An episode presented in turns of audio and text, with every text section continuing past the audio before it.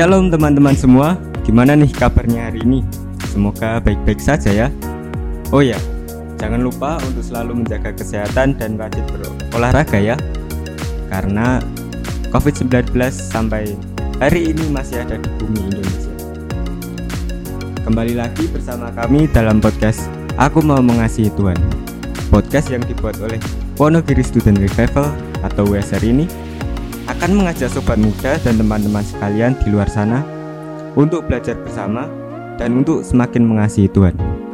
Dan saya Octavian yang kali ini menjadi host dalam podcast Aku Mau Mengasihi Tuhan. Seperti biasa, pada podcast ini saya ditemani oleh seorang bintang tamu. Namun, kali ini sedikit berbeda karena kita bisa bertemu live di sini. Jadi, jangan ke mana-mana dan stay tune terus di sini ya.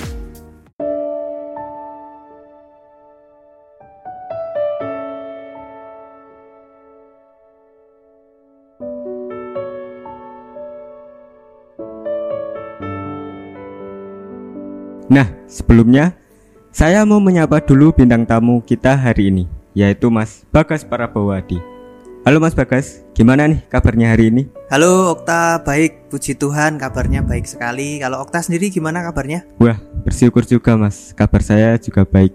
Oh iya. Puji iya. Tuhan. Puji Tuhan ya. Iya. Sudah lulus ya, Ya, tahun ini atau puji belum? Tuhan, puji Tuhan. Puji Tuhan Iya, lulus ya. iya. Eh, saya mau tanya Mas, ini kesibukannya di rumah apa aja ya? Oh, saya nggak sibuk di rumah itu mas. Lah, terus di mana Mas?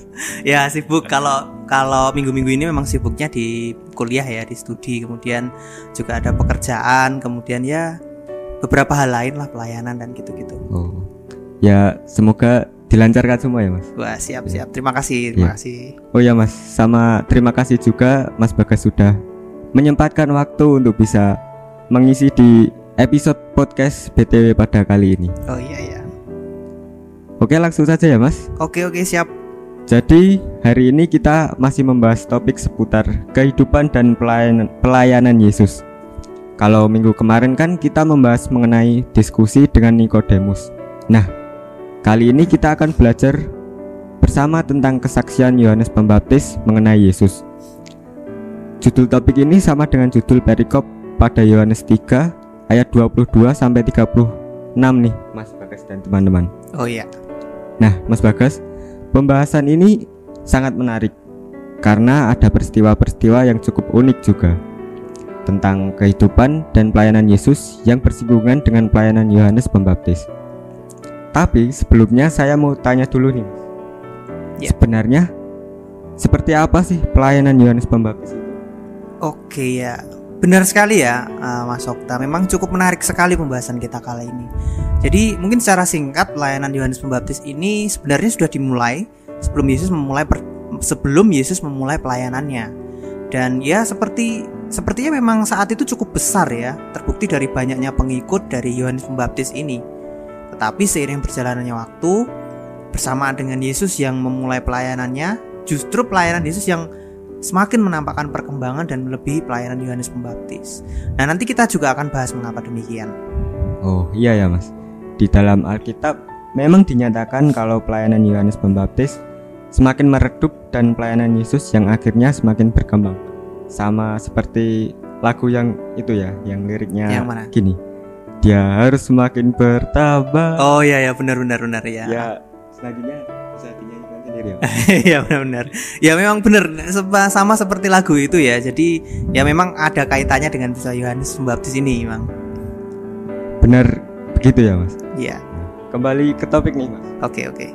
Oh ya, saat itu juga sepertinya sempat ada ketegangan antara para pengikut Yohanes sewaktu peristiwa pembaptisan di Ainon dekat Salim.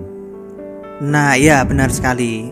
Jadi memang sempat ada perselisihan waktu itu disebutkan juga dalam dalam perikop tersebut karena waktu itu murid-murid Yesus eh, Yohanes maaf maksud saya melihat Yesus yang juga membaptis orang-orang di dekat situ dan sepertinya diikuti masa yang jauh lebih banyak dari dari pembaptisan yang dilakukan oleh Yohanes.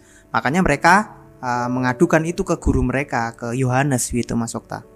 Nah, terus tanggapan Yohanes itu sendiri saat itu bagaimana?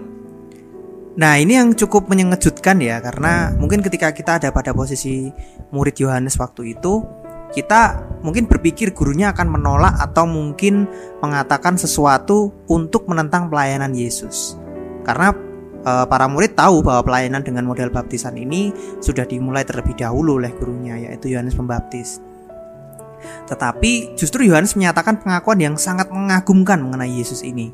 Yohanes saat itu dengan mantap mengatakan bahwa apa yang dikerjakan Yesus adalah pekerjaan Allah sendiri. Nah, saya ulangi ya, pekerjaan Allah sendiri. Bahkan Yohanes juga mengatakan tidak ada seorang pun yang dapat mengambil sesuatu bagi Yesus, sebab itu semua dikaruniakan kepadanya dari sorga. Yohanes bahkan dengan tegas saat itu mengatakan bahwa dirinya bukanlah Mesias. Nah ini yang paling penting Mas Okta, karena sepertinya banyak orang waktu itu saat itu salah menyangka begitu tentang dirinya bahwa mungkin ada orang yang menyangka bahwa Yohanes itu mungkin Mesias gitu. Nah, kalau tidak kalau tidak ada orang yang menyangka Yohanes tentu tidak akan mempertegas bahwa dirinya bukan Mesias. Nah, di sisi lain kita juga melihat ia bukan Mesias, tetapi ia diutus justru untuk mendahului Mesias. Begitu Mas Okta. Oh, jadi memang benar ya Mas, ada pernyataan resmi dari Yohanes bahwa dirinya itu bukan Mesias.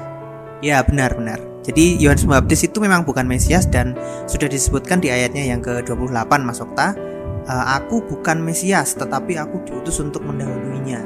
Oh, oke. Okay. Nah, saya ada satu pertanyaan lagi nih, Mas. Kalau tentang mempelai-mempelai yang disebutkan oleh Yohanes hmm. itu bagaimana ya? Uh, oh, itu ya ya. Jadi ya mungkin itu bisa dibilang Yohanes Pembaptis sedang mengumpamakan posisinya itu seperti apa uh, seperti apa jadi posisinya itu seperti apa dalam garis besar awal pelayanan Yesus itu Mas Okta? Jadi dalam perikop tersebut Yohanes menyebutkan bahwa dirinya itu sebagai sahabat mempelai laki-laki. Yaitu Yesus tadi yang mempelai laki-lakinya. Nah jadi kita bisa melihat bisa dilihat bahwa Yohanes tahu betul perannya sebagai sahabat atau mempelai laki-laki. Ya Yesus tadi yang mempelai laki-lakinya. Sukacitanya adalah ketika mempelai laki-laki bertemu dengan mempelai perempuan atau umat. Nah, jadi kita mungkin bisa membayangkan ya bagaimana sukacitanya seorang sahabat. Ini yang betul-betul sahabat maksud saya ya. Jadi melihat sahabatnya itu bertemu dengan mempelai perempuannya. Tetapi ya tentu saja sukacita yang dirasakan Yohanes ini berbeda dengan sukacita seorang sahabat dalam seremoni pernikahan Mas Okta. Dan sukacitanya lebih dari itu. Sukacitanya menjadi penuh sebab umat Allah akhirnya bertemu dengan Mesias yang telah dijanjikan sejak masa lampau dalam kitab Taurat, Mazmur, ataupun juga kitab para nabi. Jadi makanya Yohanes Pembaptis mengungkapkan juga suatu pengakuan bahwa Yesus memang harus semakin besar, sedangkan Yohanes sendiri harus semakin kecil. Pembaptis ini eh, Yohanes Pembaptis ini menunjukkan bahwa eh, Yesus adalah sungguh-sungguh dan benar anak Allah. Kepada Yesus dikaruniakan roh Allah yang tidak terbatas. Berbeda dengan nabi-nabi terdahulu yang memperoleh karunia tetapi terbatas. Nah, karunia yang dimiliki oleh Yesus ini begitu dahsyat Mas Okta. Bahkan ia memilikinya sebelum dilahirkan. Allah Bapa telah menyerahkan segala sesuatu di tangan Yesus. Demikian juga kehidupan kekal yang ada padanya. Jadi maka dari itu setiap orang yang percaya kepadanya pasti memperoleh atau mendapatkan hidup yang kekal. Sebaliknya orang yang tidak taat kepadanya pasti mendapatkan murka. Gitu Mas Okta kira-kira. Wah, gitu ya mas? Uh, ya. saya jadi belajar satu hal nih mas dari oh, ya. kesaksian Yohanes Pembaptis ini. Jadi dari sikap yang dinyatakan Yohanes Pembaptis ini kita bisa belajar bagaimana orientasi kehidupan Yohanes itu memang bukan untuk mencari popularitas yang membuatnya semakin terkenal. Tetapi sebaliknya tujuan hidupnya diarahkan semata-mata hanya untuk menjalani maksud Allah Iya ya benar-benar benar sekali itu Mas Okta. Jadi memang dalam hal ini Yohanes Pembaptis itu mengerti betul perannya yang ditetapkan oleh Allah pada dirinya. Jadi pusat kemuliaan Yohanes itu tidak terletak pada dirinya sendiri Mas Okta. Tetapi berpusat kepada Allah saja. Kita juga bisa melihat nih dari sikap Yohanes Pembaptis yang sangat menonjol sekali yaitu berkaitan dengan kerendahan hati. Ya, ia sanggup menerima situasi di mana orang lain lebih menonjol daripada dirinya sendiri Yohanes tidak marah, tidak kecewa. Ia juga, ia, ia juga tidak minder Mas Okta. Dengan senang hati, dia justru mengakui saat Yesus ditinggikan lebih dari dirinya. Bahkan ia bersuka, bersuka cita dengan penuh loh. Karena ya memang ia tahu ya itu adalah tujuan hidupnya yaitu meninggikan Yesus. Wah, luar biasa luar biasa sekali memang sosok Yohanes ini. Ya, benar sekali Mas Okta. Nah, jadi teman-teman, mari kita meladani Yohanes Pembaptis dengan kerendahan hatinya ini. Memastikan bahwa tujuan hidup kita bukanlah untuk mengajar popularitas, melainkan hanya untuk mengerjakan maksud Allah. Mari kita juga belajar dengan senang hati, mengakui saat orang lain lebih menonjol, melampaui diri kita sendiri. Kira-kira mungkin seperti itu ya Mas, kesimpulan bincang-bincang kita hari ini. Yap, betul sekali Mas Okta.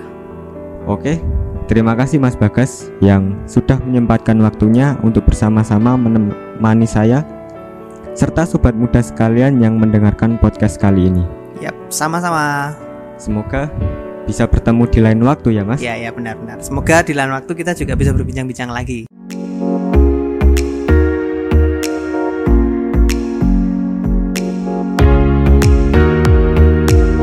Teman-teman yang terkasih, itu tadi pembahasan kita mengenai topik kesaksian Yohanes Pembaptis mengenai Yesus. Kita akan bertemu dalam podcast selanjutnya di minggu depan. Tentunya dengan tema-tema yang pasti tidak kalah seru untuk kita pelajari dan alami bersama. Stay tune terus untuk mendengarkan podcast Aku Mau Mengasihi Tuhan di Spotify ya, yang pastinya di Spotify WSR.